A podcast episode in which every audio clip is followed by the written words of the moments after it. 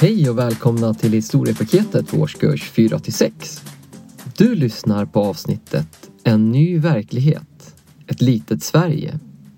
Jag som pratar heter Elias. I det här avsnittet kommer vi utgå från det centrala innehållet. Nya maktförhållanden i Sverige och mellan länder i Norden. Nu börjar 1800-talet och Sverige är inte längre en stormakt. Finland tillhör Ryssland och kungen är avsatt. Ibland brukar man säga att förutsättningarna ser lysande ut. Men det är inte riktigt vad man kan säga nu. Men trots alla utmaningar så skulle det visa sig att landet Sverige var moget utmaningen.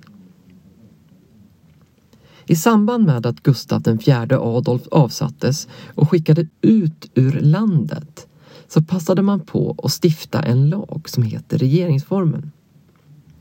Den blev klar den 6 juni 1809. Regeringsformen var noga med att makten skulle delas så varken kungen eller riksdagen kunde bestämma allt. Regeringsformens införande är en av anledningarna till att vi firar nationaldag den 6 juni.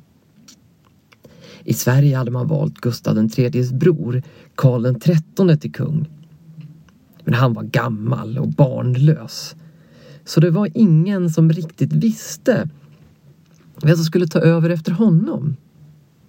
I Frankrike fanns det en person som hette Jean-Baptiste Bernadotte. Han hade varit en av Napoleons viktigaste militärer och han var dessutom både rik och väldigt duktig på att organisera. Han kanske skulle passa. Ja, visst, han var intresserad och han kunde tänka sig att bli kung i Sverige. I Frankrike hade han blivit osams med Napoleon så att flytta till Sverige, det passade ganska bra. Att han dessutom skulle bli kronprins och senare kung, ja, det gjorde inte saken sämre. Den svenska riksdagen ställde som krav på Bernadotte att han skulle betala av hela Sveriges statsskuld om det här skulle kunna bli verklighet. Och det gjorde han. Så nu var Sverige helt plötsligt både skuldfritt och hade en ny kronprins som senare skulle bli kung. Men namnet Jean Baptiste, det var lite för svårt för svenskarna att uttala. Så han fick heta Karl den XIV Johan istället. Kort efter att Karl Johan blivit svensk kronprins, eh, Karl XIII, han lever fortfarande, så anfaller Napoleon, han som bestämmer i Frankrike, Ryssland. Och nu ser många svenskar chansen att med Frankrikes hjälp ge sig på Ryssland och återta Finland. Men det sker inte. Utan istället så har Karl Johan och den ryska tsaren, alltså den ryska kungen, enats om en annan uppgörelse. Om Sverige hjälper Ryssland och de andra som kämpar emot Napoleon, ja då ska Sverige få ta Norge av Danmark som tack för hjälpen. Man kan här märka ett tydligt skifte i hur maktbalansen i Norden har börjat förändras. Danmark är ett litet land vars delar större länder helt enkelt kan skänka bort eller ta som det passar. Norge, som drömmer om att vara en egen nation, har inget att säga till om alls. Utan istället så tvingas man in i en union med Sverige. Norrmännen försökte såklart försvara sig. Man valde till och med att utropa en egen prins, en norrman, den 17 maj. Det här gjordes i Eidsvoll som ligger en bit utanför Oslo. Och tack vare det så firar man nu nationaldag den 17 maj varje år. Svenskarna, de tog ingen hänsyn till detta alls. Utan man attackerade Norge och tvingade mer eller mindre in dem i unionen. Finland fick fortsätta tillhöra Ryssland. Danmark stympades, alltså blev av med en väldigt stor del och förlorade Norge till Sverige. Norge i sin tur fick inte bli självständigt utan kom att hänga ihop med Sverige i en union där det faktiskt var Sverige som styrde och ställde. Ryssland och andra stormakter kunde påverka de nordiska länderna i stor utsträckning och sätta hård press på dem. Inom Sverige började nu en rörelse som kallas för nationalismen att slå rot. Tanken om nationen, alltså landet, började bli viktig. Man skulle vara svensk, man skulle klä sig svenskt, äta svenskt, köpa svenska saker. Ja, vara svensk helt enkelt. Det betydde att man skulle älska naturen, leva enkelt och drömma sig tillbaka till fornstora dagar. Precis som de säger i nationalsången, då ärat ditt namn flög över jorden. Sverige blev helt enkelt mycket viktigt för dessa människor. Och det här utvecklades snart till att gälla hela Skandinavien. Man brukar kalla det för skandinavism. Och det är att man anser att de nordiska länderna har en gemensam historia och hänger ihop.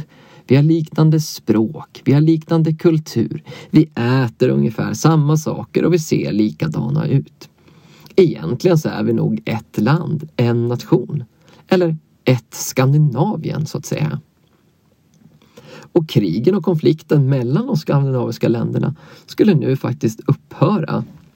Framför allt så var det de här många krigen som rasat mellan Sverige och Danmark. De är nu över och kan ses vara ett minne blott. Man tänkte att ett enat Norden som stod tillsammans, det skulle kunna vara ett bra skydd mot stormakterna som finns runt omkring. Och då framför allt mot Ryssland. Ett enat Norden som blir som ett land, det kommer vi inte få se. Men att konflikterna mellan länderna är över, det blir i varje fall verklighet. Och i Sverige blir det nu den egna nationen, alltså det egna landet, som blir ännu mera viktigt. Och inom Sverige börjar det nu faktiskt hända saker kring vem som egentligen bestämmer. Runt år 1844 så beslutas det att obligatoriska folkskolor ska finnas i varje stad och socken. En socken är en slags indelning av landet som utgår från ett område där det finns en kyrka. Så nu har alla barn i Sverige rätt till skolgång. Och det här skapar nya förutsättningar för väldigt många. Om du kan läsa och skriva och har gått i skolan, då har du också lättare att få bättre och mer välavlönade jobb. Tidigare hade det funnits något som kallades för skråväsende och som betydde att bara vissa människor fick ha vissa typer av jobb. Typiskt sett så var det så att man ärvde sitt jobb. Om din pappa varit skomakare så blev du också skomakare och tog över skomakarverkstaden.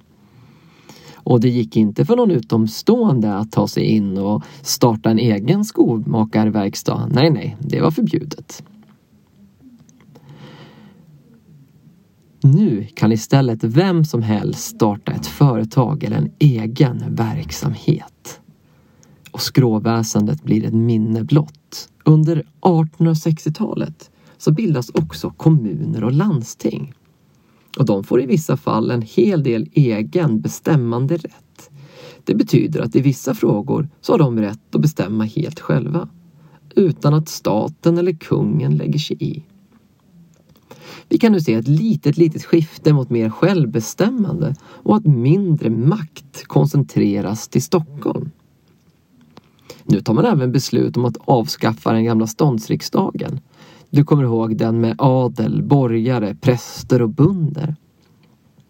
Den ska istället ersättas med en tvåkammarriksdag som ska spegla eller liksom representera samhället bättre. Nu skulle alla ledamöter väljas in. Och man fick inte vara med bara för att man representerade ett visst stånd. Men det är tyvärr inte alla som får rösta.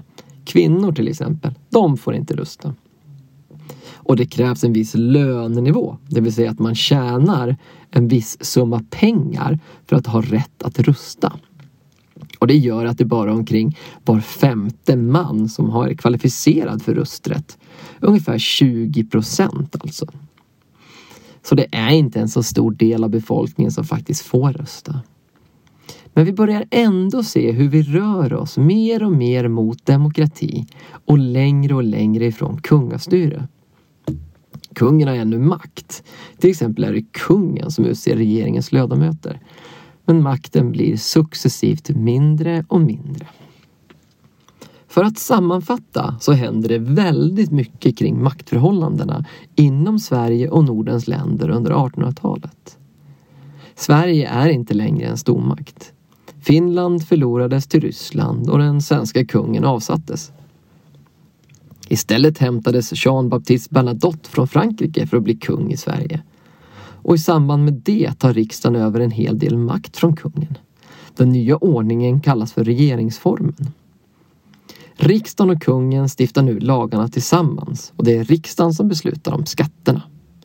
Jean Baptiste Bernadotte får namn och titel Karl den XIV Johan.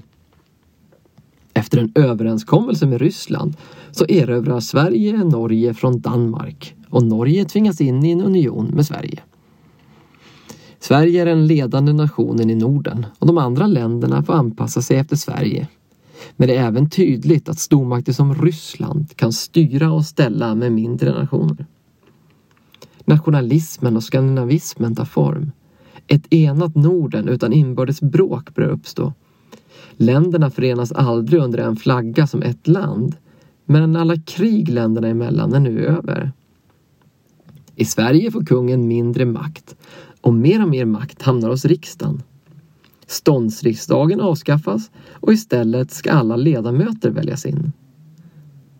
Men ännu är det dock väldigt få svenskar som har rätt att rösta. Du har lyssnat på vårt poddpaket om historia för årskurs 4 6. Poddpaketet är framtaget och producerat av vikarielärare. Du hittar massvis av arbetsmaterial och lärarhandledningar till alla våra poddar på vår hemsida www.vikarielärare.se. Logga in med lösenordet vikarielärare med litet v. Själva podden kan du hitta på vår hemsida eller på Spotify eller i podcasterappen på din telefon. Hej då!